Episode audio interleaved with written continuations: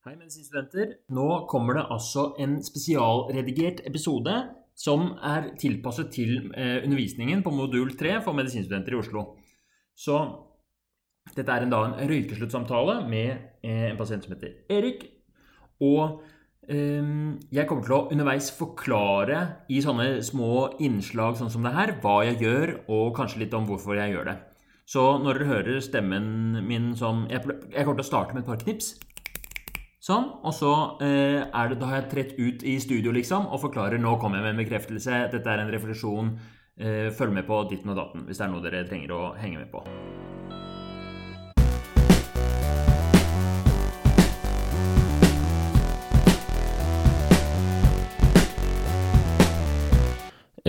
Kan ikke vi starte med at vi får høre litt om hvem du er som person, da, og hvordan uh... Jeg liker å starte intervjuene med å bli litt kjent med pasienten. Det gjør jeg av flere grunner. For det første så er det fint bare det å bli kjent. Få vite at pasienten eh, har katt, hva han liker å gjøre til, på fritida og litt sånt. Det skaper litt connection. I tillegg så er det det at man blir, trenger faktisk å varme opp litt. Særlig eh, pasienten kan være litt anspent og ute av seg i starten av samtalen. Og for noen så er det også litt sånn vanskelig å gå rett i gang med å snakke om et vanskelig tema. Derfor, hvis du har tid, bruk noen få minutter på å stille litt mer sånn enkle spørsmål, bli litt kjent. Hvem er du? Det kommer du til å ha masse nytte av. Ja, eh, mitt navn er Erik. Jeg er 36 år gammel. Eh, jeg jobber eh, i det daglige som barneskolelærer. Har gjort det nå i tre år. Så dette er det fjerde året mitt. Eh, trives veldig godt med det. Koser meg. Eh, har samboer, kattunge. Bor på Veitvet. Og um, ellers, hva liker du å gjøre på fritiden? Jeg er vel fullblodsnerd, fullblods nerd, er vel det man kan kalle meg. Jeg har vokst opp med å være forelska i fantasy og science fiction, så jeg har på en måte utforska mye av det som er tilgjengelig innenfor den sjangeren.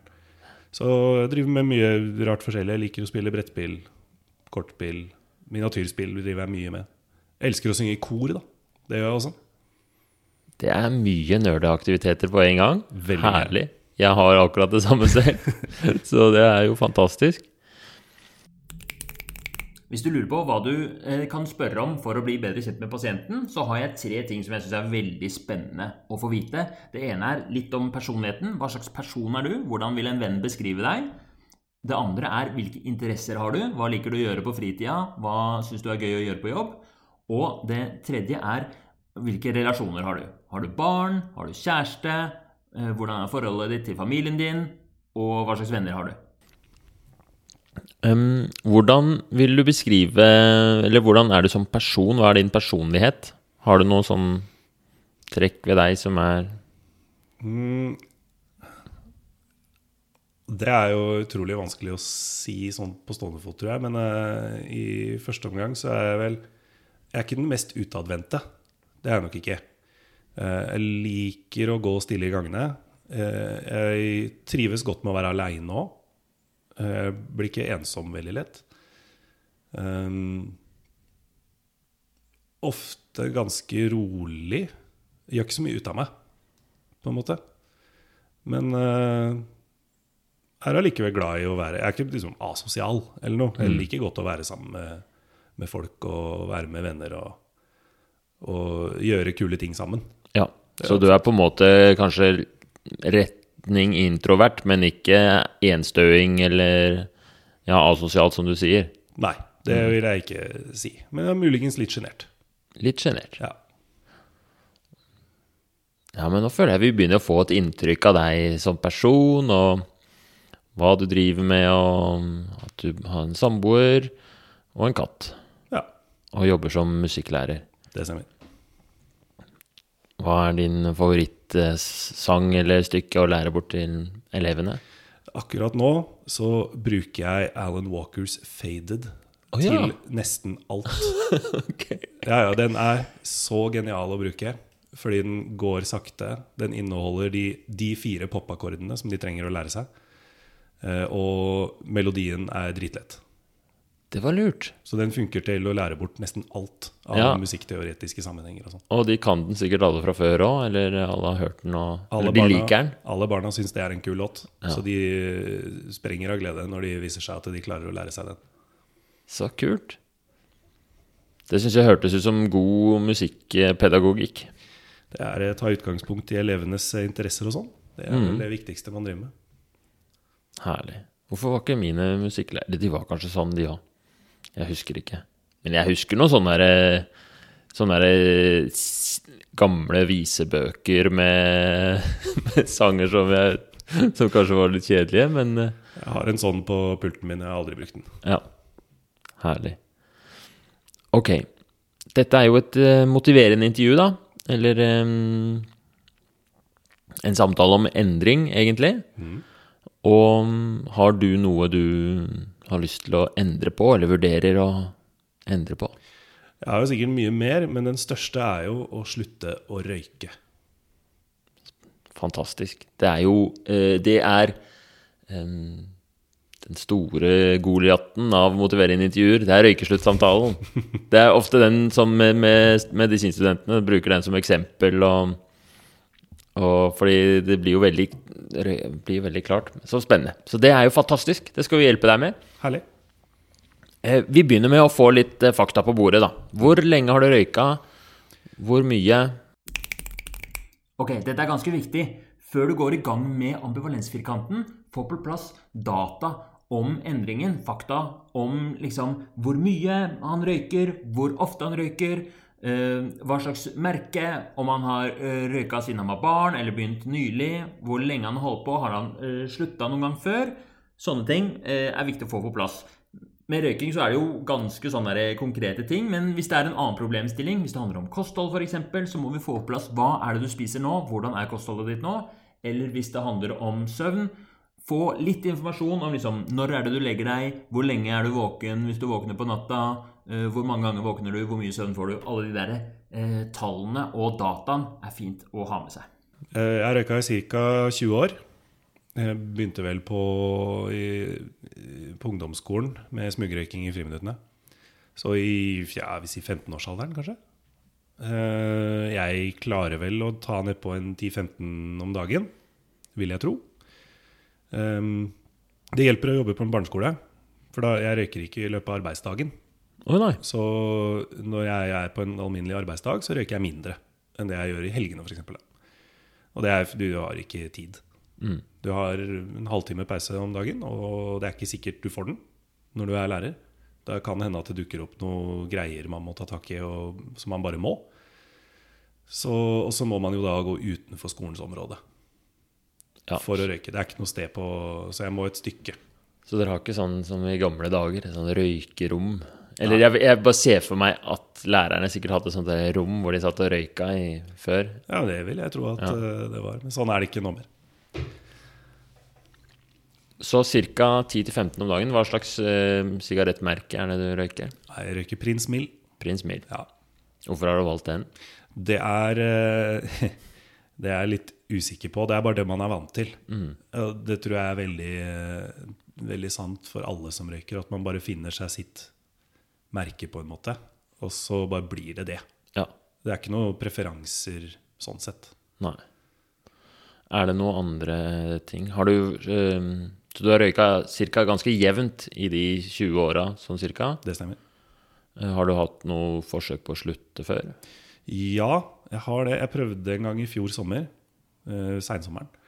Eh, det holdt i ja, mellom én og to uker eller noe sånt.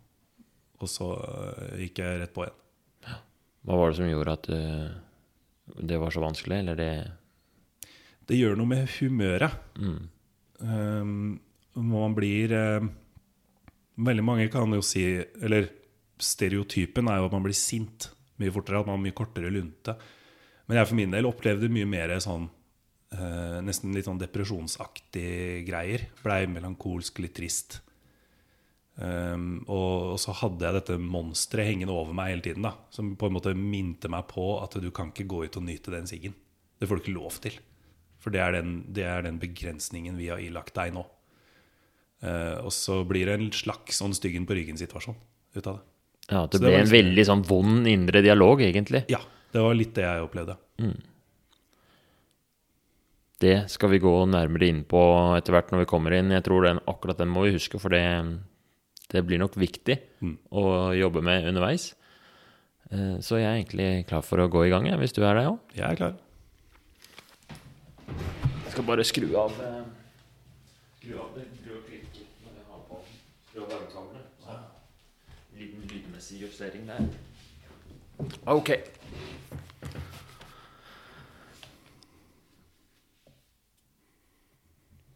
Ok, da skal du få litt instruksjoner først. For nå skal jeg spørre deg om fordeler og ulemper med endring, så i dette tilfellet eh, røykeslutt. Og din jobb er å svare så fritt og ærlig som mulig. Og det er fint hvis du utbroderer og kommer med eksempler. Skal prøve.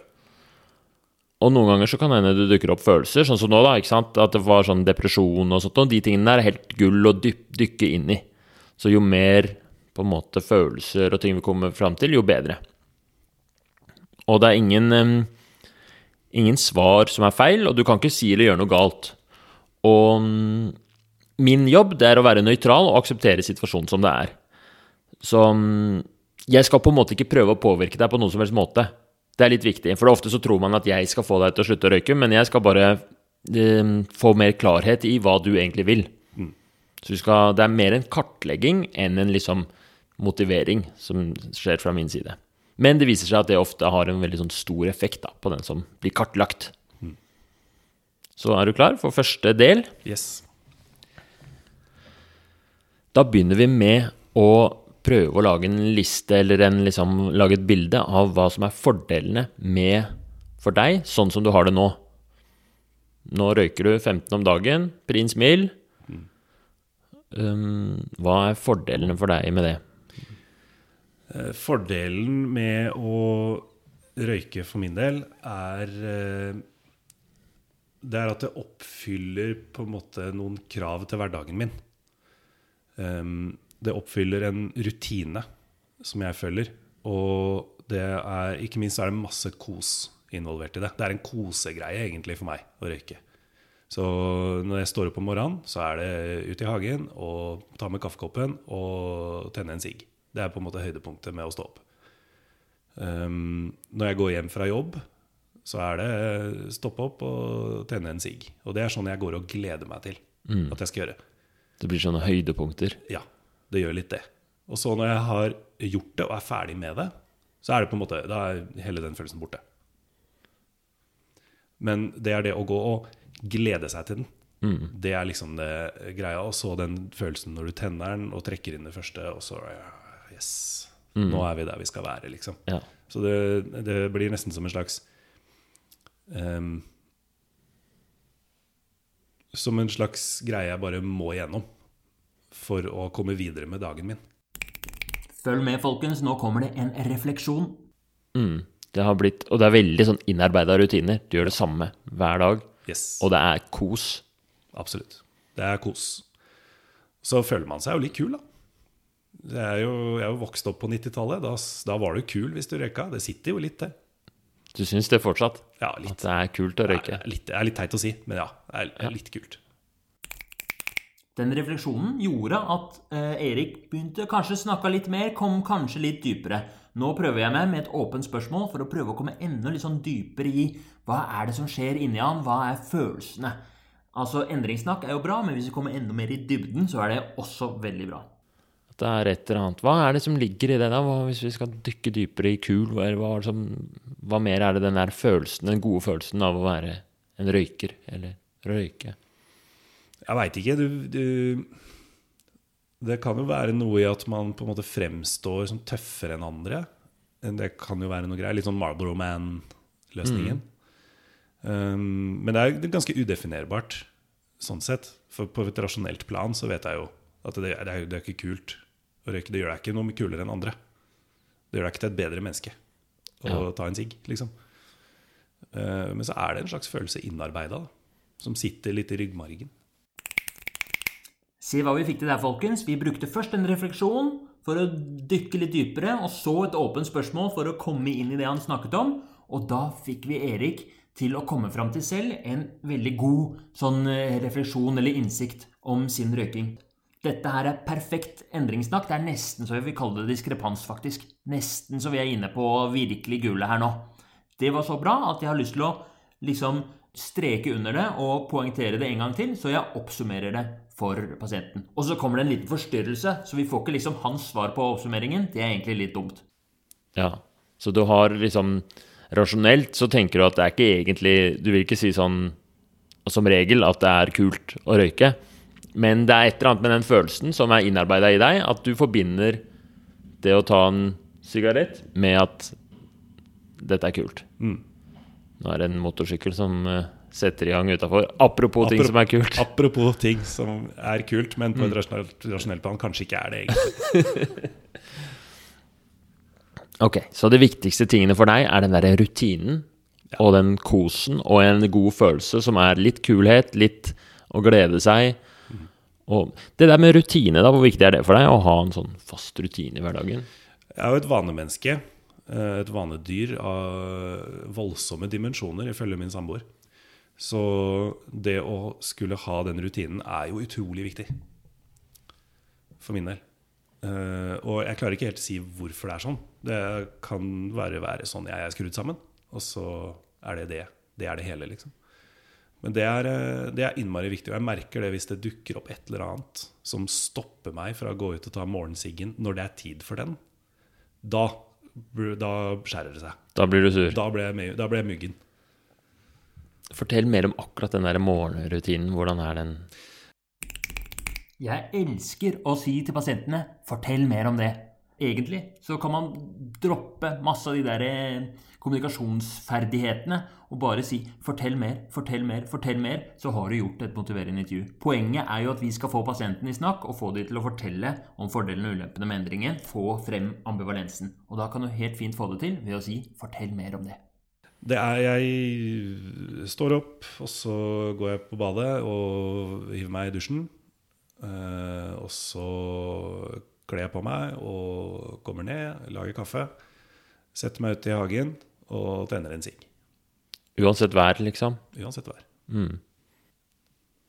Og den um, Hvis det skjer et eller annet, hvis noen begynner å spørre deg om noe, eller det er et eller annet som av, avbryter deg i den prosessen fram til den siggen Ja, det, skal noe, det skal være noe litt større enn at jeg bare prater. Ja. Med, ta morgenpraten med samboeren, liksom. Det, det må være et eller annet jeg må, som jeg må forholde meg til på en ordentlig måte. Rydde opp i et eller annet, eller ja. Eh, hvis eh, katta har dratt dorullen utover alt, og så må jeg ta tak i det. Noen sånne type ting. Ja, det er ikke riktig tidspunkt for deg å Nei, Det må være noe som stopper meg i å gå ut.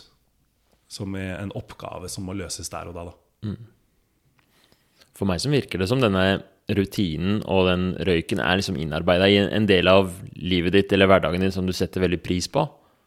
Mm, Ja, kanskje. Eh, jeg, tenker egentlig mest bare på det som en nødvendighet. Det er noe jeg må gjøre. Så det er ikke nødvendigvis sånn at jeg setter stor pris på det. Um, ja, det, blir feil å si det òg, for jeg koser meg jo når jeg gjør det. det er jo, jeg har det ekstremt hyggelig når jeg sitter og drikker kaffen min og eh, tar røyken og scroller sosiale medier eller leser nyheter eller spiller spill eller et eller annet. Så, så det er um, Men det er også noe du må. Ja, det er absolutt noe jeg er nødt til å gjøre. Det er for at dagen skal kunne gå videre. Ja. Så det er litt sånn utenkelig å ikke ha den Ja, litt. mm. Følg med, folkens. Nå kommer det en bekreftelse. Jeg skjønner, da, da skjønner jeg at det var vanskelig å slutte den gangen for eh, i fjor sommer. Ja, ja. Det er ikke alltid man får like god respons på den bekreftelsen. Her fikk vi bare et lite mhm. Men eh, sånn er det noen ganger. Ok. Men du kom jo hit med eh, en slags eh, tanke om at du hadde lyst til å slutte. Så hva er det som er ulempene med å røyke, da? Eh, Min første tanke går jo til Det er egen helse som er på en måte det første jeg tenker på. Eh, og det har eh, Jeg har fått noen sånne oppvekkere på det i, i det siste året. Nå kommer Erik til å fortelle om en trist hendelse fra livet sitt. Og det som er viktig da, er å være bekreftende. Det betyr ikke at man trenger å, å si så veldig mye. Men når noen forteller om noe som er sårt, trist eller litt sånn der, eh, ja, sårbart fra livet sitt, så er det viktig at man ikke, i hvert fall ikke begynner å, å rase over og stille masse nye spørsmål. Gi det litt rom, vær litt stille, og kom med litt sånne korte, enkle bekreftelser som viser at du Som liksom Som er støttende, og som viser empati, på en måte. Så det er det jeg prøver å få til her nå, i hvert fall. Det går jo helt naturlig, alt dette her. Det er av og til litt sånn kunstig å snakke om kommunikasjonsteknikk, og det merker jeg særlig nå, når det er eh, Dette her er jo et ekte menneske, liksom, som snakker om ekte, triste ting. Og, men jeg tenker at det er viktig at vi analyserer det for det, fordi hvis man blir bevisst på disse tingene, så kan man unngå å gå i baret. da. Og det er det som er det viktigste når folk forteller vanskelige ting. Så er det ikke sånn at du må gjøre de riktige tingene, men du må unngå å drite deg ut med å på en måte bare gå rett videre til et annet tema eller stille et irrelevant spørsmål eller noe sånt. Eh, for jeg hadde en tante som døde av lungekreft i januar i fjor. Um, og hun blei 60-61, tror jeg. Mm. Hadde akkurat blitt bestemor første gang. To Oi. måneder tidligere. Og så fikk hun diagnosen, og så gikk det tre uker, og så var hun død. Oh, uh, så det var et ganske hardt slag. Det kan jeg tenke meg. Um, og he hele familien min er røykere, de også. De er vokst, jeg er vokst opp med tobakk rundt meg, liksom. Uh, og da var det Vi var hjemme hos farmor og farfar. Da satt alle bare og røyka inne. Askebeger overalt. Og, um, og, og det blei en sånn oppvekker for hele familien også. Så da var det mange som begynte prosessen med å slutte å røyke, inkludert mine foreldre. Som er i samme båt som meg. De, og de sliter også veldig med røykestoppen. Jeg tror faren min har greid det nå, men jeg lurer på om han kanskje smugrøyker litt. Okay. jeg er litt usikker. Mm. Um, og da ble det jo en sånn da ble liksom, da, Når alle begynte å snakke om det, så blir på en måte oppvekkeren forsterka. Ja. Det er ikke bare en personlig erkjennelse for deg selv. Det, det, blir på en måte forsterket av at alle andre rundt deg også prater om det. Og da begynte jeg liksom å kjenne litt presset på det. Og i tillegg så har jeg det siste året utvikla en ganske habil røykehoste. Og her for et par uker siden så var den så ille at jeg vekka meg sjæl på natta. Men, og det har aldri skjedd før. Eh, og da tenkte jeg liksom Oi, nå begynner det å bli på mm. tide. Mm. Hvordan var det, ja, den følelsen da du gjorde det? Uh, den var kjip, den var jo det. Men den var kjip i den forstand at nå må jeg løse denne oppgaven. Ja. Som er å ta vekk denne gleden jeg har i livet, da. Dette her var helt sånn perfekt endringssnakk, egentlig. Det er ganske sånn tett på eh, Erik, og ting som man merker litt på nå, er litt ukomfortabelt å snakke om. Så derfor så prøver jeg å streke under det, eller liksom heve det fram nå ved å gjøre en refleksjon. Det blir en litt lang refleksjon, så det er nesten som en oppsummering. Men det jeg håpa å få til, var jo at han skulle gå enda dypere i det, eller hvile enda litt mer i det. Men det som ender med å skje, er at man går videre til neste tema. Så det var jo ikke egentlig det jeg håpa på, men helt greit i et motiverende intervju. Sånn er det. Det ble et skikkelig Så det var en sånn wake-up call fra kroppen din til ja. deg selv? Stemmer nok det. Så i løpet av de siste Altså siden to år siden, så har du både fått en, en et signal fra Altså du, at tanta di døde av lungekreft i ganske sånn tragiske omstendigheter. da, Ung, med nettopp fått barnebarn. Mm. Og så i tillegg så får du litt sånn signaler fra kroppen om at dette ikke er bra for deg. Uavhengig av det liksom av hva man sier om røyk og sånt, men du kjenner det, at du får den der røykehosten. Ja, absolutt. Og så er det jo det er masse andre hensyn som jo tas. Eh, penger, økonomi. Absolutt en av det. det da jeg begynte, så kosta en 20-pakning 55 kroner. Nå koster det 150. Her støter vi på en litt sånn hårfin balansegang i intervjuet. På den ene siden så merker vi jo at Erik har ikke så lyst til å snakke om dette. Dette er litt sånn tungt for han å snakke om. Både det med røykosten og det med tante, og han har lyst til å gå over til noe som er litt mer komfortabelt for han, økonomien. Jeg tenker at hvis vi virkelig vil skape eh, motivasjon, og hvis samtalen føles ut som den er, trygg, ikke sant, og det er god tillit der, så kan man eh, gå tilbake og spørre enda litt mer. Er du komfortabel med å snakke litt mer om eh, røykosten din? For det tenker jeg er veldig viktig å dykke i for å, å, å skape motivasjon her. Fordi det vi håper, ultimate vi håper å oppnå med et motiverende intervju, er å skape diskrepans. Diskrepans er litt vanskelig å forstå, kanskje, men det betyr uoverensstemmelse. At det er to ting inni pasienten som ikke fungerer sammen. Og det er liksom tanken da, at hvis han klarer å få frem hvor ubehagelig han syns det er med den røykosten, så er det etter hvert veldig vanskelig for han å forsvare at han selv røyker. Men å få han til å si det, det krever jo at vi virkelig dykker i det, at vi ikke gir oss og spør utfyllende. Kan du si mer om det? Kan du fortelle mer om det? Eller bruke refleksjoner for å komme dit. Og noen ganger så er det litt jeg vil ikke si skummelt, men sånn som i dette tilfellet her, da, så er det litt sånn komfortabelt å bare Ja, ja, jeg blir med og snakke om, eh, snakke om hvordan det er med pengene og sånt noe. Istedenfor å gå dypere inn og si vent litt, la oss gå tilbake til rødkosten. Men man er ikke perfekt. Ingen motiverende intervjuer er perfekte. Og det blir bra allikevel. Vi har jo fått det frem, men vi kunne gått enda dypere. Så det, er, det, det merkes på lommeboka òg. Ja, Hvor mye penger bruker du på røyk, cirka? Nei, det har jeg ikke regna så nøye på, men med 10-15 om dagen, og så er det 150 kroner pakka, så kommer man jo gjennom en tre-fire fire pakker i uka, kanskje. Cirka 100 kroner dagen, da. Ja, omtrent. Så det er jo 3000 i måneden. Omtrent. Mm.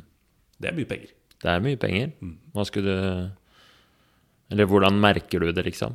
At du bruker såpass penger på det? Det, det merker du jo på det som er igjen på konto. På, når lønningen kommer, liksom. Mm. At det er ikke så mye. Er det noe du ikke unner deg fordi du røyker? Uh, Ja, det vil jeg kanskje si. Men eh, det, det er ikke på en måte én fast ting.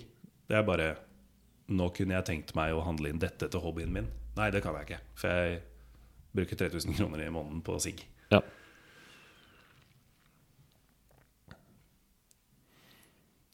Så for deg så er det viktigste er helsa og lungene og røykosten og tanken på Når du, når du tenker på sånn eh, Fordi én ting er røykoste, det du føler, men hvordan, hvordan Når du tenker på sånn fremtidig helse, dette med tante- og lungekreft og sånt nå, hvordan er det egentlig prosessen er på det? Eller hvordan føler du det, liksom?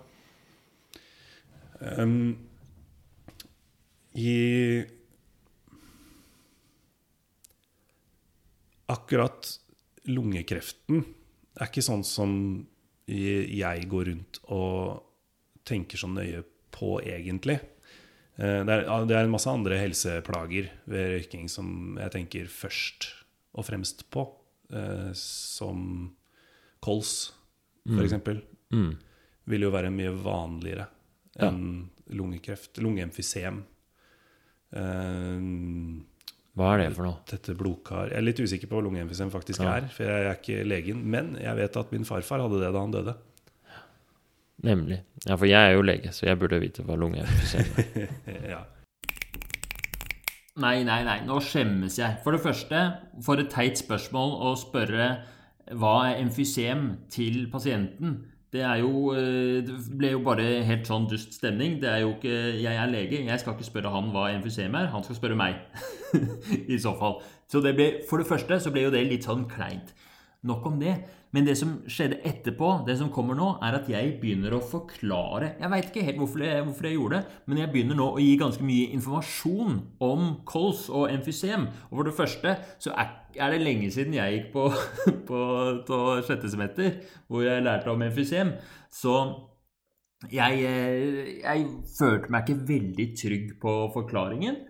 Og i tillegg så ble det liksom vi kom helt ut av det motiverende intervjuet. Fordi det handler om at han skal fortelle og utforske sin ambivalens. Det handler ikke om at han skal få informasjon. Men dette er kjempevanlig, så jeg er egentlig glad at det skjedde. Fordi det her kommer til å øh, dere støte på hele tiden. At dere får lyst til å forklare. Dere tenker at her er det noe jeg kan bidra med. Dette er hjelperefleksen som spiller inn. Og her ble jeg dratt med av hjelperefleksen, jeg som alle andre.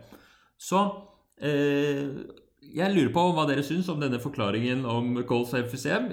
dere må gi meg tilbakemelding hvis det er eh, helt på trynet. Men, eh, og det er ikke sånn at det er så farlig å gi informasjon. Noe av det som dere eh, kan legge merke til, er at jeg spør først har du lyst til å, at jeg forteller om det. Og det er eh, kjempeviktig. Når jeg får tillatelse, så er det noe helt annet enn å drive og, og, og, og kverne på ut av det blå. Og vi kommer oss inn på sporet igjen etterpå.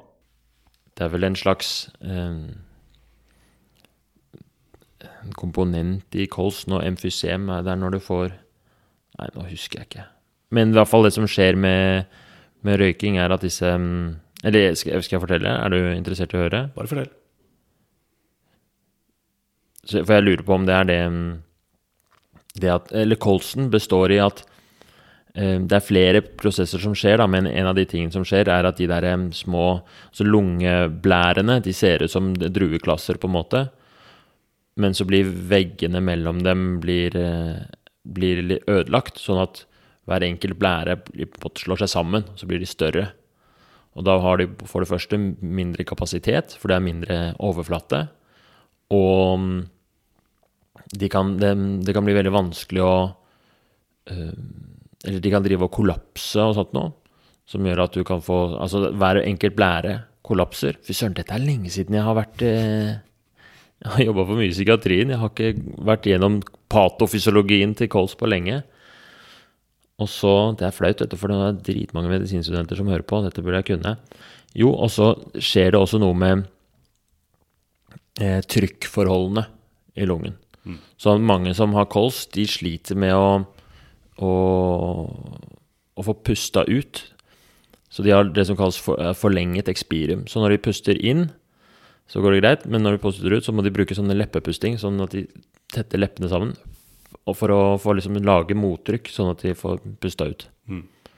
Så, um, så den derre Fordi i disse blærene så er det et naturlig trykk. Sånn at um, når man puster ut, så er det jo på en måte som om du bare slipper. Og så bruker man muskler for å puste inn. Og så kan man slippe for å puste ut, for det er et naturlig trykk der. Mens da hvis du, de der blærene blir um, litt ødelagt, så får de der med kols får sånn utvidet um, De får ofte litt sånne der store brystkasser. Tønnebryst. Fordi, fordi det, det er egentlig lungene som holder ribbeina litt sånn sammen. Dette her, jeg beklager det her. Jeg var mest fordi jeg var så nysgjerrig på det selv. Så det, var, det her har ingenting med å motivere en intervju å gjøre. Det er sånn typisk tabbe man gjør som lege, er at man begynner å forklare. Fordi det føles riktig forklare. Men nå kom vi helt ut av det. Så dette var egentlig dumt. Men for å dra det inn igjen, da, Ja. så er det, det, de, det er de helsemessige plagene jeg kanskje er mest redd for. Ja. For eh, hvis man får lungekreft, så er jo det Ja, det er selvfølgelig dritkjipt. Men enten så går det bra en stund, eh, og så, hvis man har skikkelig skikkelig griseflaks og oppdager det tidlig nok, så kanskje man til og med overlever litt. Eh, og så blir man alvorlig syk, og så dør man. Det er på en måte lungekreft. Eh, så det jeg er mer bekymra for, er å bli sånn syk at ikke, ikke så syk at jeg dør av det, men så syk at jeg f.eks. ikke kan gjøre de tingene jeg liker å gjøre. Nemlig. Eh, og, så, og det vil jo kols vil jo være et typisk eksempel på det. Ja. At du plutselig en dag Få en sånn ikke kan gå i kronisk sykdom. ja, at du ikke, Hvis du plutselig en dag ikke kan gå i trapper, så er det innmari vanskelig å jobbe som lærer. Ja. Eh, og det er kanskje det som er mest tynger mest, da. Det gir mening. Hvordan føles det å gå rundt med, med den bekymringen? Eh, jeg, jeg dytter den jo fra meg, uten tvil. Uh, den eh, Jeg dytter den bare framover i tid. Mm. Dette er noe som 40 år gamle Erik må forholde Ja, seg til, på en måte. Men det er bare fire år til. Riktig. Så foreløpig så tenker du at det er ikke helt Det er ikke liksom relevant for deg her og nå. Dette er noe du skal ta tak i seinere. Ja, eller det er også en tanke som kanskje er lurt å komme seg unna. Ja. er, er jo noe jeg har tenkt. Eh, men det er jo ikke sånn at hver gang jeg tenner meg en sigg, så tenker jeg på all kolsen jeg skal få snart. Ja. Eh, For det ville jo også vært Det ville jo vært veldig trist. og ganske selvdestruktivt. Ja. Så det er noe Det er noen mekanismer og barrierer der da, som eh, stopper meg fra å tenke på det. Men det stopper meg jo da fra å tenke på det på en sånn måte at jeg ikke går igjen og slutter. Ja. Så hvis vi skal oppsummere den ene disse to første spørsmålene om fordelene og ulempene med å røyke, så på den ene siden så har du altså så mye kos ved det, med glede. Det blir en sånn ting du gjør i livet som er helt innarbeida. En skikkelig god vane, syns du. Som Eller altså deilig på mange måter, og som er helt nødvendig for deg. Du vet ikke hvordan det skulle gått uten. Du må, sa du i stad, at det er noe du må gjøre. Det stemmer. Og i tillegg så er det jo den, den følelsen med den, den første utepilsen. Pakka av ligger på bordet, askebegeret ved siden av. Fytti gris, det er ingenting som slår det. Ja, du forbinder det med, med andre gleder også. Ja, ja, ja. Og den første utepilsen uten røyk hadde blitt litt fattigere. ja. Rett og slett. Så det er, og jeg ser jo det på, jeg ser det i øya dine, liksom. Dette her er store gleder for deg, på den ene siden. Og på den andre siden så har du det, Når du snakker om det om å slutte, så snakker du om det som noe du absolutt skal. Og du har mistet familiemedlemmer i lungekreft, og du tenker mye på de helsemessige årsakene. Og det er en bevegelse i familien hvor, eh, hvor folk driver og, og slutter. Foreldra dine jobber med det. Og i tillegg til det økonomiske, så, så er det jo Det er jo veldig sånn mot, motsetningsfylt, da. Mm. Hvordan føles det så langt i intervjuet å snakke om det? Det føles eh, helt greit, det. Jeg var, eh, allerede nå så kjenner jeg at eh, jeg har visst masse tanker om dette. Mer enn jeg trodde at jeg hadde. Mm. Så, for jeg har jo aldri måte, gått dypere inn og snakka med noen om det. Her sier Erik noe veldig viktig.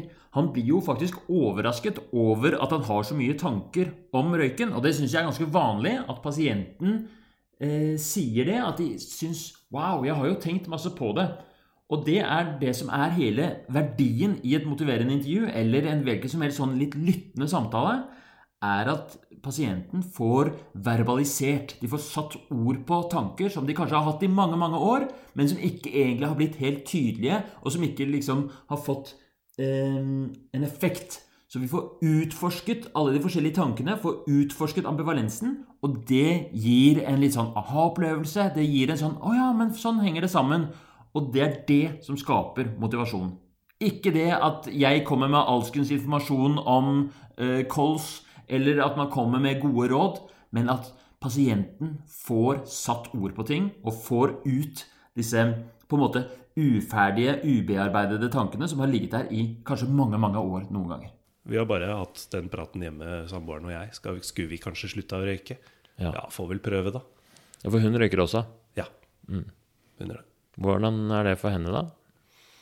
Uh, hun er også uh, Hun er nok også litt i samme båt som meg, at hun tenker at det røykeslutten det er noe vi må gjøre.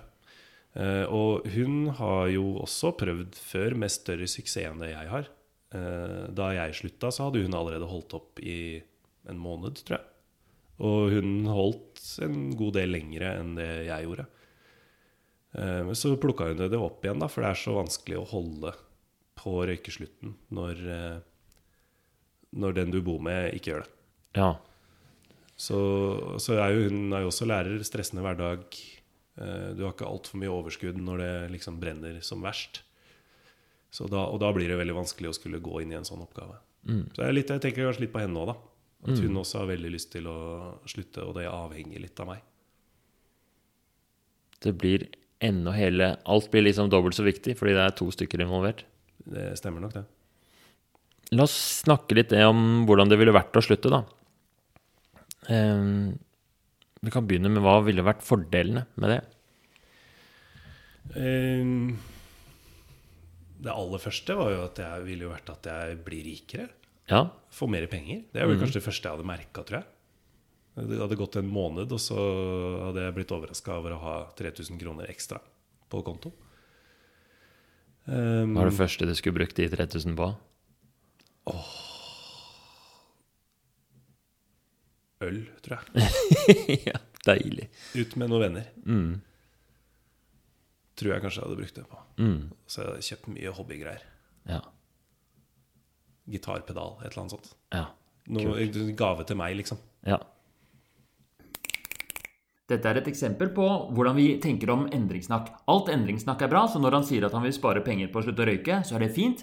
Men det vi vil, er at vi skal gå litt dypere. Så da stiller vi et spørsmål til. Hva skal du bruke de penga på? Og så begynner han å snakke om åh, gleder seg til å ta øl med kompiser, kjøpe hobbygreier, kjøpe gitarpedal. Og da har vi fått konkretisert det litt, og fått enda litt mer endringssnakk, som er enda litt mer konkret. Litt dypere. Fint eksempel. Så det er det første du hadde merka. Det første fordelen med å slutte hadde vært det økonomiske. Ja. Og så har jeg jo et håp om at uh, hvis jeg slutter, så kanskje røykosten gir seg òg. Det er jeg ikke helt kjent med om hvordan det funker, eller hvor permanent det skal være.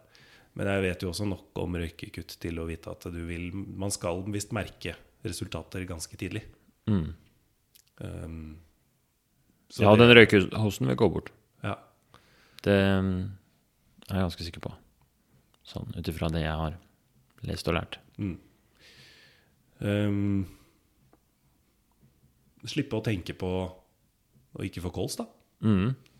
Slippe å tenke på å få kols. Det blir riktig å si. Slippe. Ja. ja. ja, at det er liksom at du har en bekymring mindre? At det frigjør litt, eller, eller noe sånt? Eller hva? Ja. Uh, og så få Jeg veit ikke. Få, få oppgaven unnagjort. Tror jeg kanskje blir det, det aller største. For jeg opplever røykeslutt som noe som jeg må gjøre på et eller annet tidspunkt. Og nå har det hengt over meg en stund. Vi har jo snakka om det hjemme i en god del år nå.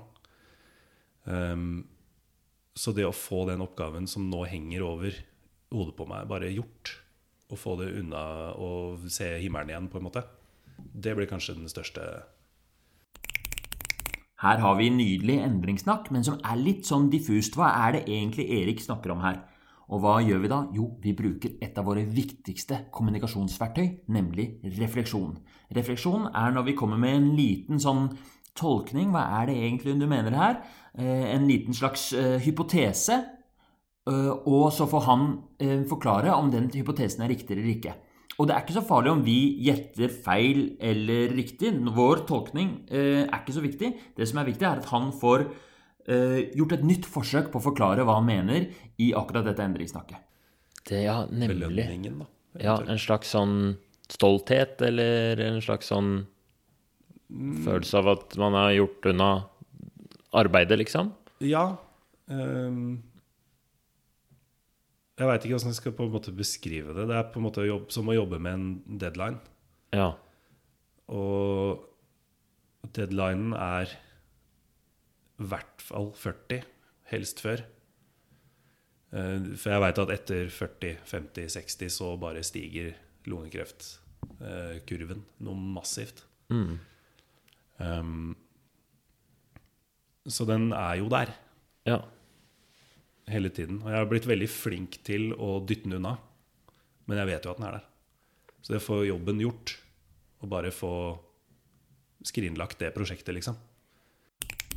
Hørte dere det? Helt fantastisk endringssnakk. Vi slang ut en refleksjon, og han gikk ordentlig i dybden. Og man kan høre det på måten han snakker på. Han snakker sakte, ettertenksomt. Han bruker tid på å formulere hva han skal til. Nå graver han i sin egen ambivalens. Han graver i endringssnakket. Og det som kommer ut, er fantastisk. Dette, Nå kan vi nesten merke at det skapes motivasjon til røykeslutt. Vi bare kjører på med flere refleksjoner. Nå må vi enda dypere. Nå har vi sjansen, dere. La oss gønne på. Få fram Eriks ambivalens. Få fram endringsargumentene. Dette her er snadder for en motiverende intervjuer. Det er et eller annet som eh, Det er et eller annet sånn litt sånn tungt som ligger over deg mens du fortsatt er røyker, som du ser fram til å kunne slippe ut av, eller en bør som blir mindre Som kan, du kan slippe å bære. Ja. Kanskje i form av en forventning fra alle rundt meg også. Ja, At det er noe du må slutte med. ja for det er en del press utenfra. Jeg jeg tror ikke det egentlig er noe press, men jeg opplever jo litt at det er det. Ja. Så jeg har jo nok laget mye av de eksterne forventningene selv. Det vil jeg nok tro. Men eh, Så det å bare få gjort unna det, få det vekk Det er jo litt av grunnen til at jeg sitter her i, sitter Ja. her i dag òg. Ja, nei, og det skal du ha. Det er ikke alle som tør å ta det steget engang. Så du er jo i en prosess, da. En, eh, jeg bare lurer på, for det er én ting som er veldig til felles for folk som har eh, Som røyker. Og det var veldig tydelig hos Jeg hadde en tidligere gjest også som vi snakket om røykeslutt.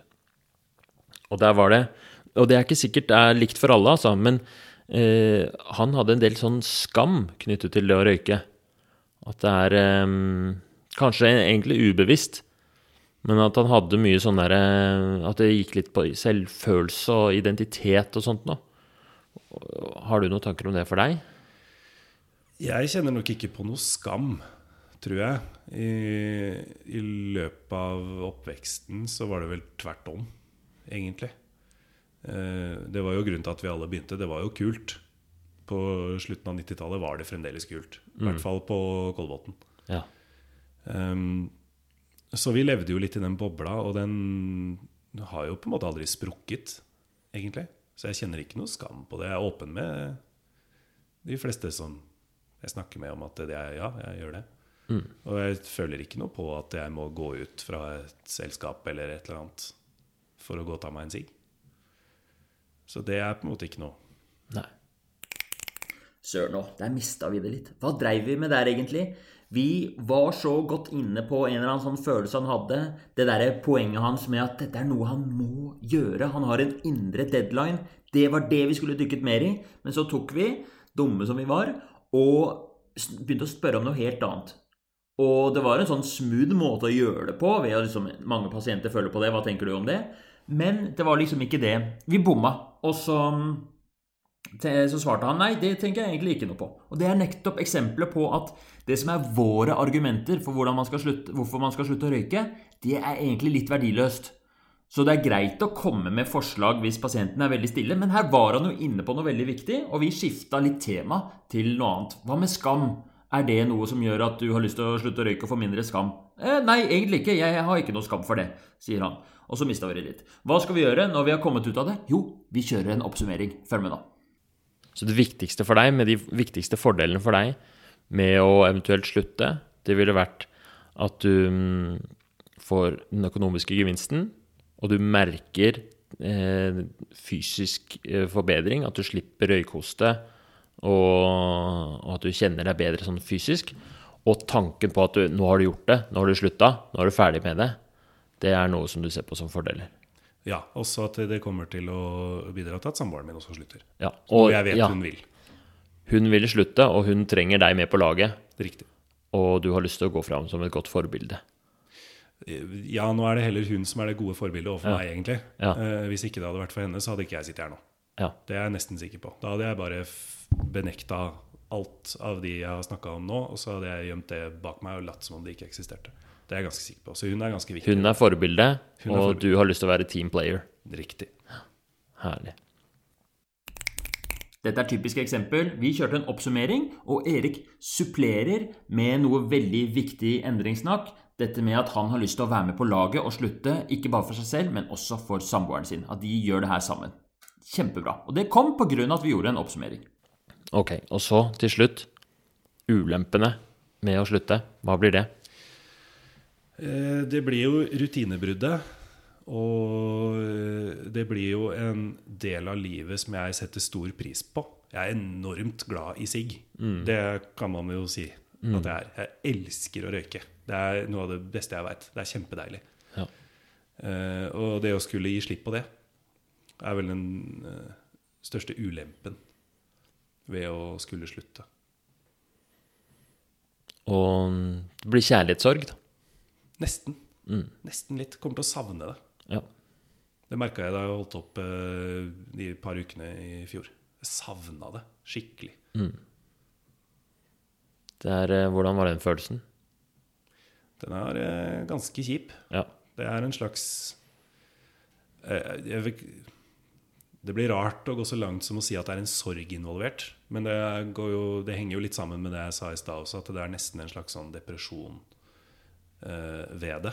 Jeg vil, ikke, jeg vil ikke kalle det depresjon som i den kliniske diagnosen. Depresjon, hvis det er noe som heter det. Ja. Eh, For det er jo my mye mer alvorlig enn den situasjonen jeg befant meg. Men det opplevdes i hvert fall litt sånn. Nå snakker Erik om hvordan det var å slutte å røyke forrige gang han prøvde. Det var tøft. Han opplevde depresjon, sorg, hadde det skikkelig vondt. Da er det helt naturlig at vi bekrefter de vonde følelsene. Vonde følelser er til for å valideres. Det var Der og da så var det kjempetungt. Yes. Det var eh, smertefullt, på en måte, og du kunne Altså, de ordene du bruker, sorg og depresjon, det er gyldig, liksom. Det er det, som- sånn det føltes. Ja. Det var sånn det, jeg opplevde det, i hvert fall. Og det tror jeg mange er enig i. at Det, sånn kan det være noen ganger. At det er voldsomt tungt. Andre ulemper med å slutte? Ikke som jeg klarer å komme på i farta, tror jeg. Det viktigste er den derre Det savnet. Ja. Det er jo en luksusvare, det merker jeg nå når jeg snakker om det. At det er en, det er en luksusvare i mitt liv som opplever at jeg må ha. Så Nei, jeg vet ikke. Jeg kommer ikke på noe Ja. særlig med. Ålreit. Så røyking for deg er Vi tar en full oppsummering her nå. Røyking for deg er en innarbeida vane. Det er noe du gleder deg til. Det er noe du elsker, og som du føler du nesten må ha i livet. Mm. Du trenger det. Yep. Og når du sier 'må ha', det er nesten på lik linje med vann og mat og kjærlighet, liksom. Nesten. Samtidig så kommer øh, Blir du møtt av realitetene, liksom. Din tante døde av lungekreft. Um, og fikk ikke vært bestemor, som hun sikkert gjerne ville. Og du mm, kjenner det selv også på kroppen. Røykoste. Du har en konstant sånn Eller ikke konstant følelse, men du vet at dette her eh, kan lede til kols, noe som du er overhodet ikke interessert i å få. Stemmer. Eh, Du er redd for å eventuelt kunne miste funksjon og ikke kunne gå i trapper, liksom. Mm. At det kan være resultatet hvis du ikke gjør noe. Og du føler at det også, samtidig som du må ha røyken, så sier du også at du må slutte. Det er dilemmaet jeg befinner meg i nå. Og hvis du slutta, så ville du fått økonomisk gevinst. Ville du fått, følt deg bedre sånn helsemessig. Du ville følt nå er vi ferdig. Og det er også viktig for deg å gjøre det sammen med samboeren din, som er kjempeinteressert i det. Hun har heller ikke lyst til å røyke. Det stemmer. Men for å gjøre det, så må du gjennom en periode med savn, sorg. Du kommer til å kanskje føle på depresjon, for det var sånn du har opplevd det sist. Mm. det blir en vanskelig prosess. Det stemmer. Er det sånn cirka der vi er nå? Ja. Det var ambivalensfirkanten, folkens. Nå har vi spurt om fordeler og ulemper ved å fortsette å røyke, fordeler og ulemper ved å slutte å røyke. Og det kan ta lang tid, det kan ta kort tid, men det er den viktigste delen av det motiverende intervjuet, nemlig å få fram den ambivalensen, skape endringssnakk. Så den, eh, det gjorde vi ganske bra. Vi kunne sikkert gjort masse bedre, sånn er det alltid, men det er ikke så hokus pokus dette her. Vi stilte spørsmålene, fikk masse svar, jobben er gjort. Nå gjelder det å prøve å plassere hvor er pasienten. Hvor motivert er han? Hvor viktig er endringen for han? Og hvor mye trua har han på at han kan få det til? Det er viktig, fordi det må vi vite for å vurdere hvordan vi skal gå fram videre. Hvordan skal oppfølgingen være? Er han klar for å begynne å lage en plan og begynne å slutte, sette sluttedato nå med en gang? Eller trenger vi å ha flere samtaler hvor vi utforsker ambivalensen?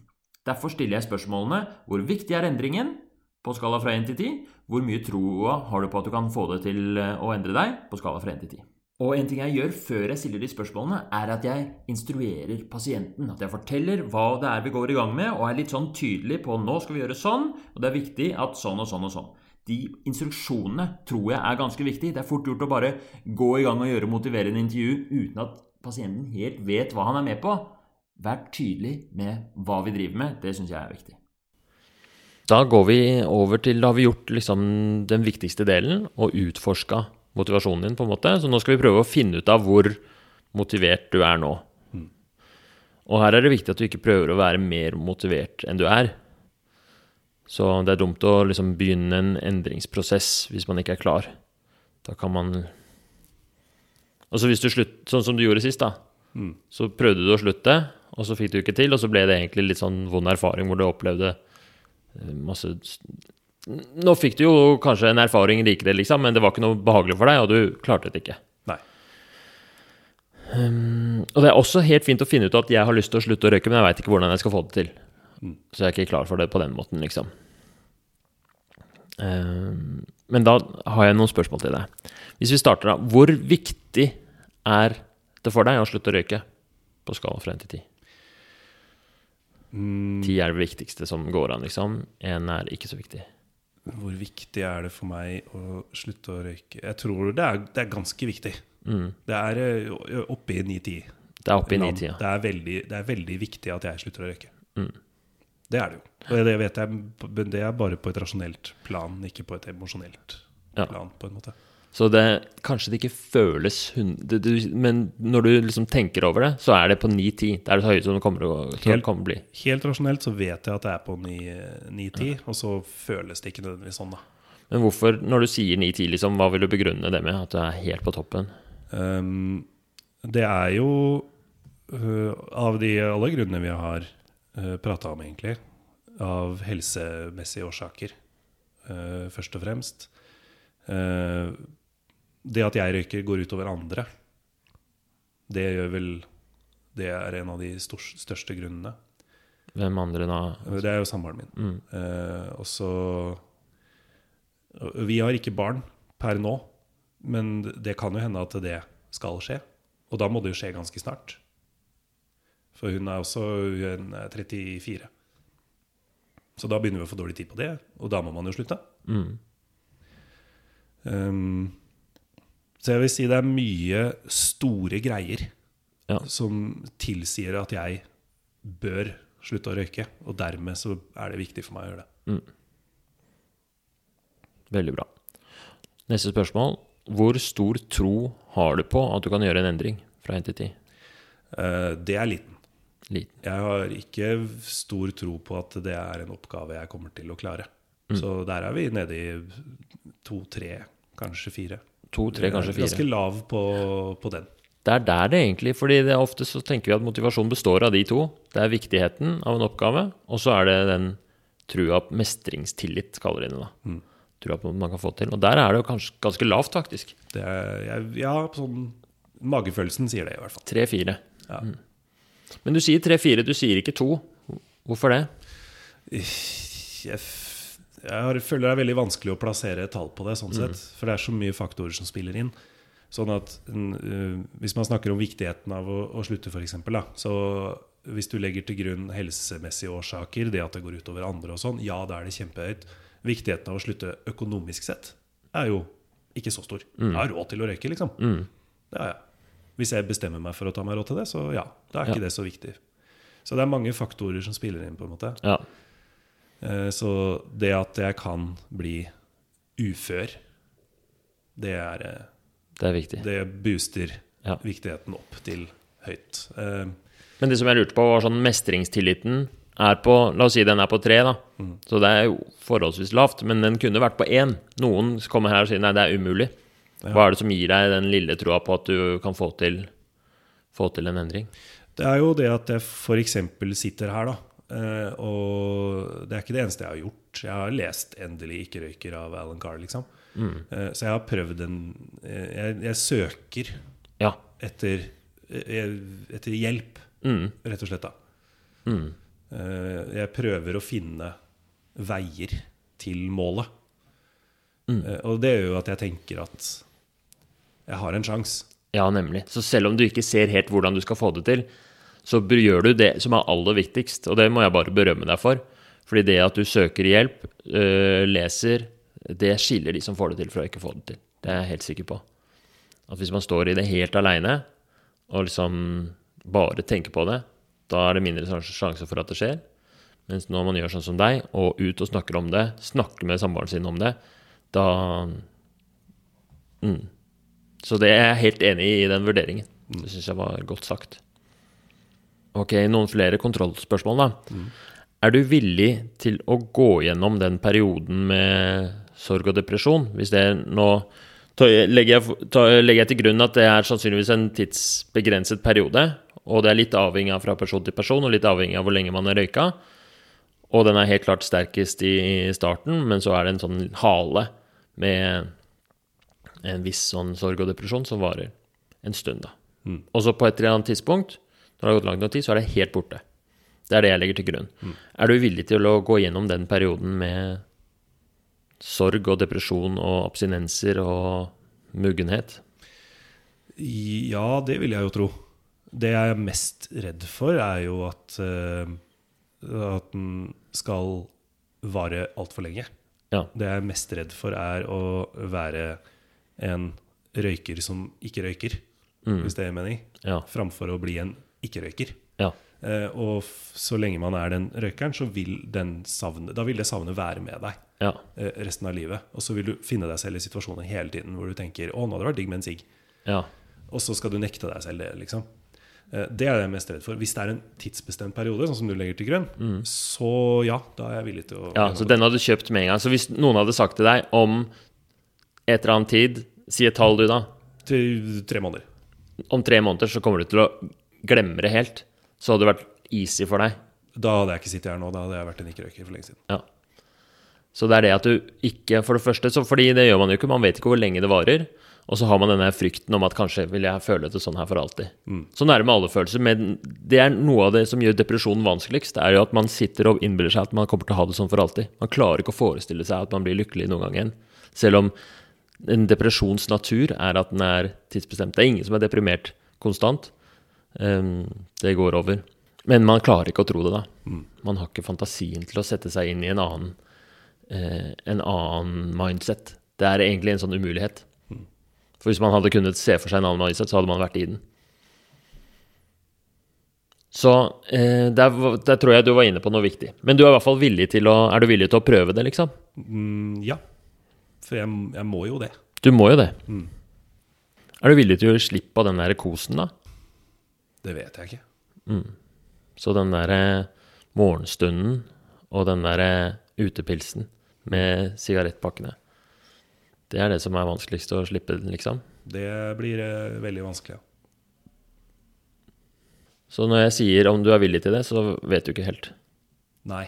Det er eh, altså Jeg syns det er vanskelig å si ja eller nei. Jeg syns det er vanskelig å svare konkret på det spørsmålet akkurat nå. Ja. Så da har vi funnet Det passer jo fint med at du er Det er veldig viktig for deg, dette her. Du har litt trua på at du kan få det til, fordi du søker hjelp, og du er liksom i gang med å samle på en måte krefter og råd og, og metoder, liksom. Og du er her. Og du er villig til å gå gjennom den der tunge perioden, men det er et eller annet med den kosen som du ikke helt klarer å gi slipp på ennå. Det stemmer nok, det. Sånn, da har vi gjort det. Da har vi plassert pasienten. Han hadde høy viktighet for endringen, og så hadde han ganske lav mestringstillit. Og det er ikke uvanlig. Det er, eh, jeg synes vi ser det ofte at man har høy motivasjon for å gjøre en eller annen endring. Det er viktig. Jeg skulle så gjerne begynt å trene, jeg skulle så gjerne gjort sånn og sånn. Men man har ikke den der trua at man kan få det til. Det er når man skuer mot endringen, så ser man alle disse barrierene. Man ser den der smerten man må gå gjennom, og det føles ut som en umulig oppgave. Så det neste vi gjør da, er å begynne å planlegge videre oppfølging. Fordi det er ikke noe problem for oss å jobbe videre og få til å øke den der mestringstilliten og lage konkrete planer. Det handler om å stykke det opp. Det handler om å bruke hans tidligere erfaringer med mestring som et verktøy for å øke mestringstilliten. Så det er det vi går i gang med nå, den siste delen av samtalen, nemlig å avtale videre oppfølging og på en måte begynne å snekre på en plan for endring. Dere kan godt se for dere endringshjulet, hvis dere kjenner til det. Endringshjulet er en teori om endring, at det skjer i forskjellige steg. Man har føroverveielse når man går rundt og grunner på det, har ambivalens i hodet, men man tenker ikke sånn veldig over det. Overveielse, det er når ambivalensen begynner å krystallisere seg, og man begynner å øke viktigheten. ikke sant? Fy søren, jeg tror jeg må gjøre en endring i livet mitt. Så kommer det forberedelse, og det er jo det vi er i nå. ikke sant? Vi jobber med å ta en beslutning. Skal han faktisk sette en dato? Skal han begynne å legge konkrete planer? Etter det først kommer handlingen. Og det som er den store feilen som vi hele, alle vi mennesker driver med hele tiden, og som er grunnen til at vi egentlig står litt fast og ikke får til endringer, det er at vi går rett forbi Vi hopper over steg. Vi går fra føreoverveielse at man liksom får en bitte liten tanke om ah, kanskje jeg skulle trent mer, og så stikker man på gymmen dagen etterpå, og så har man en drittopplevelse, for man er ikke forberedt på alt, alt ubehaget eller liksom alle de nye tingene. Eller kanskje man trener altfor hardt og blir støl i en uke, og så legger man det fra seg. Nei, dette var ikke noe for meg. For man har ikke gått gjennom overveielse og forberedelse, som er to helt essensielle deler av en endringsprosess. Nå har vi kommet til et slags sånn veiskille da, i, sånn, i metoden. Så eh, vi kunne brukt lengre tid, og det hadde vært fint øh, å, å, å sitte og, og, snakke om fordeler og ulemper lengre, og, og, på en måte kartlegge motivasjon. Så spørsmålet er nå liksom hva skal vi gjøre? Um, skal vi gå i gang med å lage en plan? Skal vi avtale en ny tid? La dette her uh, hvile litt? Skal vi uh, Skal vi liksom Ja, hva tenker du? Er du skal vi begynne å lage en plan, eller ikke? Det er veldig vanskelig å si. Jeg kjenner bare det at jeg har sittet og snakka om det nå, og så, så, kjenner jeg at jeg har Jeg, jeg har tenkt, tydeligvis da, tenkt mye mer om dette her enn jeg trodde på forhånd. Mm. Så jeg kjenner jo allerede at nå har jeg Oi, nå har jeg lært en del ting om meg selv mm. som jeg ikke visste at eh, jeg tenkte, kjente på og følte på. Mm. Um, så jeg, sitter nesten og fordøyer det litt ja. selv enda. Um, jeg hadde jo sett for meg på forhånd Så hadde jeg på en måte ikke sett for meg at jeg kommer hit, og så prater jeg med Herman, og så går jeg ut døra, og så skal jeg slutte å røyke. Mm. Det er liksom ikke det jeg har sett for meg det, i det hele tatt. Nei, du hadde ikke noe, egentlig noen plan om å slutte å røyke når du kom hit? Du ville bare utforske det litt, liksom? Ja, i utgangspunktet så har jo planen om å slutte å røyke har nå ligget på is. Ja. Eh, for vår del en Du hadde tenkt å røyke de neste ukene også, liksom? Ja, ja. i hvert fall i nær framtid. Mm. Um, så jeg, jeg veit faktisk ikke. Eh, vi kan jo bare satse, da. Se om vi klarer å legge en plan. Mm. Finne på noe Se hva som dukker opp, liksom. Hvis du vil det. Altså, hva eh, Det som er viktig for meg Jeg kan lese opp det som står da på når vi lager plan. Eh, der står det nå skal vi prøve å lage en plan for endring. Planen bør være målbar, tidsbestemt og realistisk. Den vanligste feilen er at man går for hardt ut og mister motet når motivasjonen svinger. Nå har du mye motivasjon, i morgen tidlig kommer du til å ha lite motivasjon. Mm. En annen vanlig feil er at man prøver å gjøre alt selv og ikke tar imot hjelp som vil gjøre det lettere. Den er jo du god på, da. Mm. Det har vi jo snakket om. Um, så det jeg foreslår vi gjør, ut ifra um, Jeg tenker at um, dette her er en Selv om endringen på en måte er veldig konkret og liten, så er dette en stor prosess. Du, vet, du har noe du har tenkt på lenge, du har røyka i 20 år. Så eh, Så visse eh, Når jeg sier plan, så tenker jeg heller mer sånn plan for hvordan vi skal angripe det, som kan være litt mer sånn eh, Altså, jeg tenker, jeg tenker, det er kanskje for tidlig med sånn type eh, sluttedato og sånt. Mm. At vi er heller mer i sånn Hvordan skal vi lage planen, planen på en måte. Okay. Hvordan føles det? Eh, det Akkurat nå så kjennes det egentlig ganske bra. Mm. Så vi Jeg kommer til å stille noen spørsmål til. Mm. Og så avtaler vi en ny tid for å snakke sammen. Og så prøver vi å finne Så er liksom egentlig planen er hva skal du gjøre fram til neste møte? Nettopp.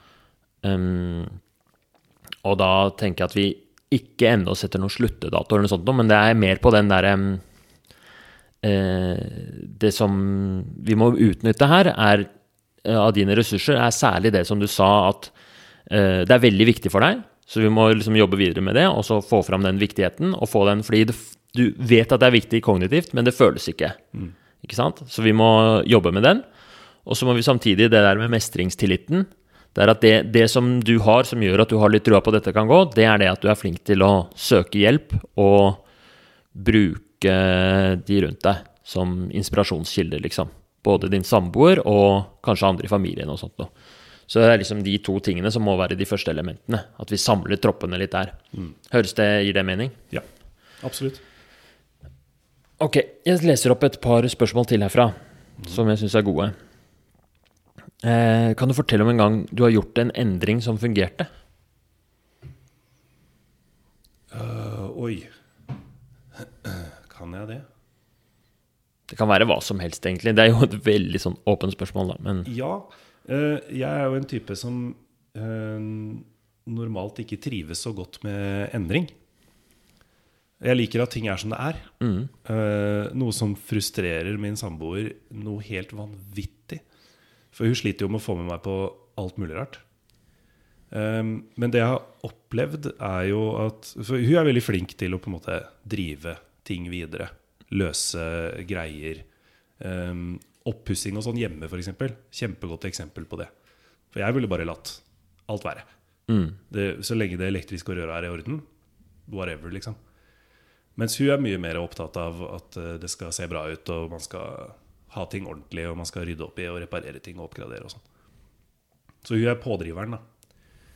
eh, For de endringene som skjer Ja. i livet mitt, på en ja, jeg får et bilde av hvordan det er i familien. liksom, det er veldig Ja. fint. Mm. Og hun driver på med det, og, og så sier jo jeg bestandig sånn Nei, men det er ikke nødvendig, skal vi gidde å bruke penger på det, da? Og så blir jeg liksom sur, han surmaga gamle fyren, ikke sant.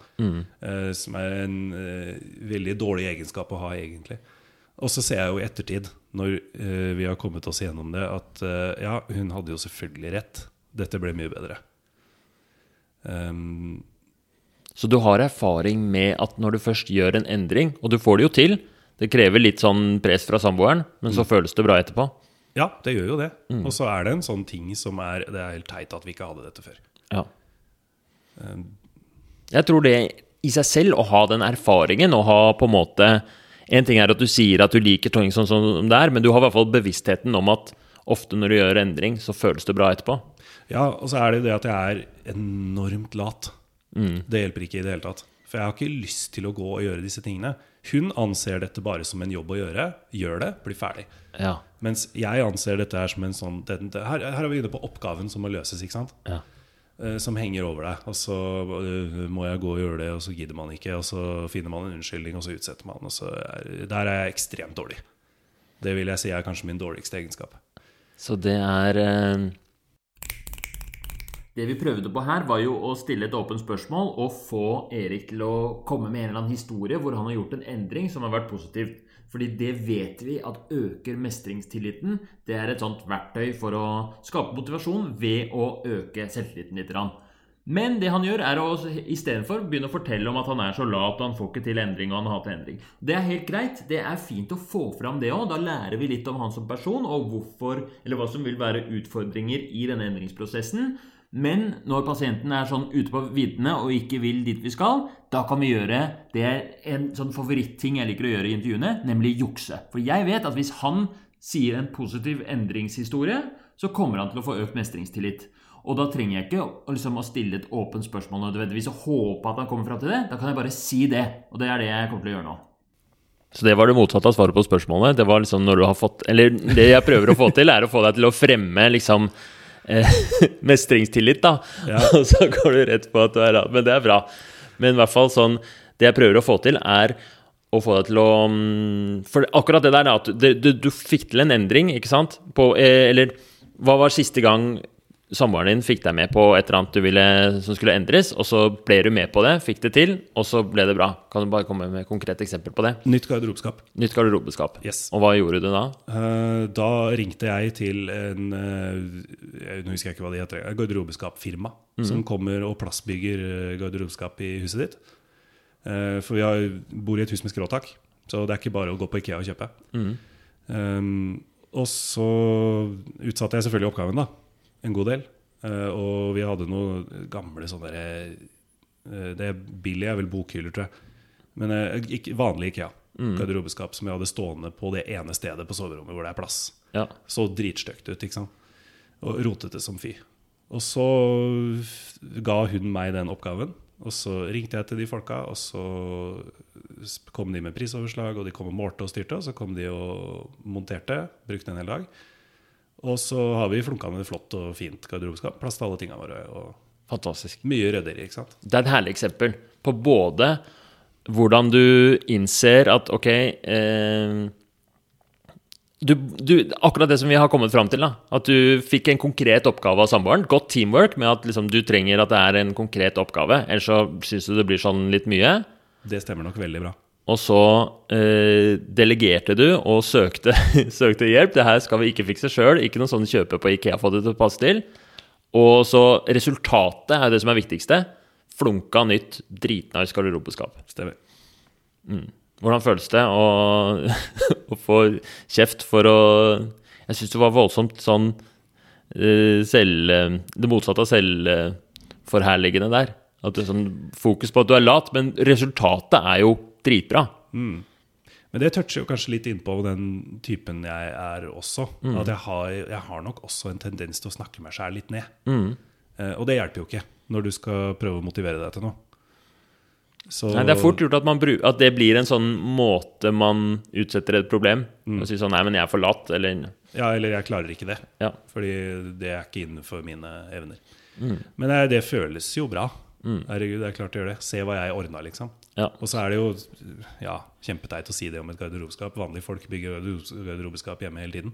Da blir det lekse til meg da, til neste samtale. At jeg skal jobbe Når du snakker deg ned, så skal jeg prøve å få en litt mer sånn rasjonell dialog, indre, eller monolog, for deg, da. Ja. Så eh, bare hvis vi tar det Har vi vært litt inne nå, men den lærdommen fra den garderobeskap-historien til røykeslutt, hva blir det for deg da? Ehm, jeg, jeg, jeg tror kanskje den beste lærdommen fra det er at det må, man må starte, i hvert fall. Mm. Tror jeg. For eh, jeg er en sånn type som anser alle oppgaver som på en måte store og vanskelig å begynne på. Spesielt hvis de ikke er særlig konkrete. Spesielt hvis jeg må ut og søke informasjon selv. Så, um, men med en gang jeg begynner, så får jeg det jo til. Det er jo ikke uvanlig å få til ting. Men man må jo starte. Man må starte. Så for deg så er det det ofte største utfordringen er å komme i gang. Jeg har en tendens til å på en måte Nå, nå er jeg nesten Oi, nå starta jeg å snakke meg ned igjen. Hva gjør det? Jeg utforsker sinnet mitt litt her. Ja, det er herlig. Um, ja, for jeg har nok en tendens til å se på en oppgave som er litt abstrakt, og tenke at dette er for stort. Selv om det jo egentlig ikke er for stort. Det er ikke det i det hele tatt.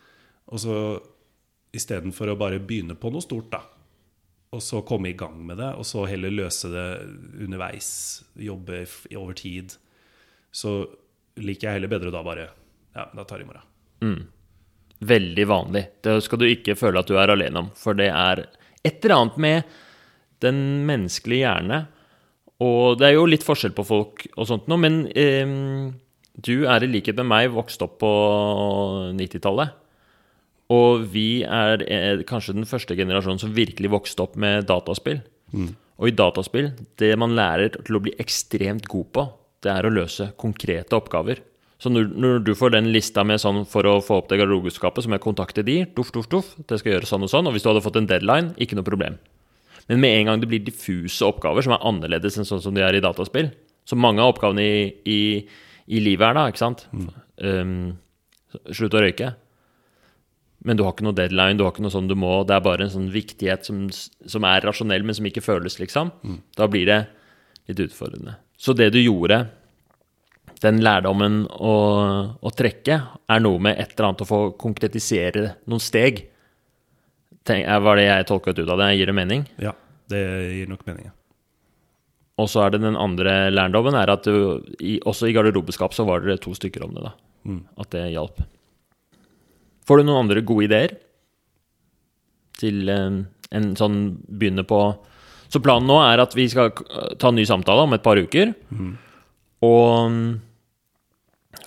til den gangen så skal vi ta en ny runde med sånn viktighet, da, fordeler og ulemper, og se om det har kommet opp noe nytt der. Så det er ene oppgaven til deg blir å tenke litt på det. Kanskje jeg kan vise deg akkurat den der ambivalensfirkanten. Så kan du få tegne den opp på et ark, og så skrive tre punkter på hver, liksom.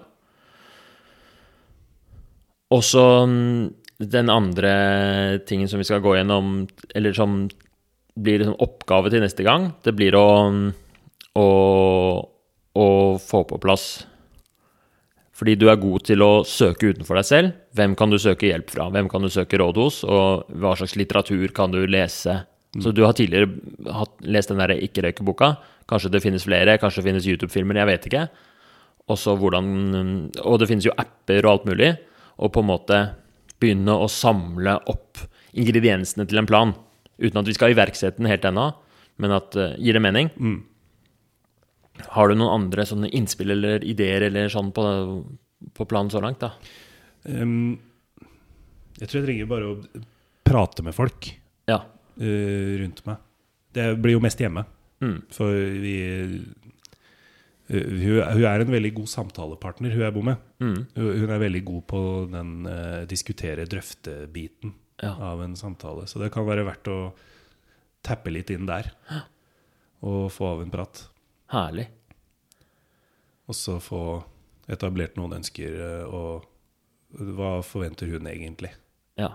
Hvordan ønsker hun seg at det skal se ut, osv. Det høres helt nydelig ut. Da setter vi opp en ny time, og så fram til da så har du og samboeren hatt en skikkelig prat og gått gjennom. Kanskje dere kan gå sammen, gå gjennom den der firkanten med fordeler og ulemper. Det kan vi godt gjøre. Er det en, eh, så kan, du, så, kan vi neste, starte neste episode med at jeg spør deg hva er for henne fordelene og ulempene. Både for hennes egen del og for din del, og som team, liksom. Så tar vi to røykeslutt for prisen av én. To røykeslutt for prisen er én. Høres veldig bra ut. Er det noe mer som står i malen her nå? Planlegg oppfølging. Jo! Ehm, ja, for nå har vi snakket om um, om denne planen er målbar. Det er den jo. Fordi jeg vet neste gang om du har snakka med samboeren din eller ikke. Er den tidsbestemt? Det er den. To uker uh, cirka, eller noe sånt nå. Vi avtaler en tid etterpå.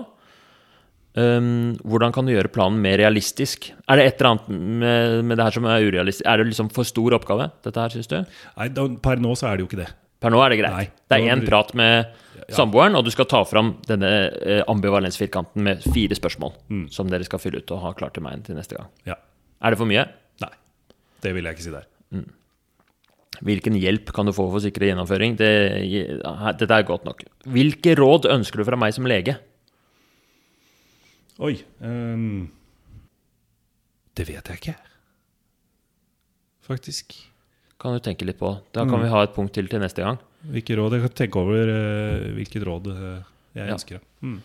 Fordi eh, Det kan jeg også tenke litt på, om det er noen sånne konkrete råd som man gir, burde gi til alle med røykeslutt. Eh, For det er det jo. Mm. Så da kan jeg, jeg kan samle sammen det til neste gang. Tusen takk. Vær så god. Supert. Takk for at du har stilt opp så lenge. Du har gjort en kjempejobb. Virkelig gravd. Du har fått eh, det du sa, at du hadde liksom oppdaga at du hadde tenkt mer på det enn du hadde trodd sjøl.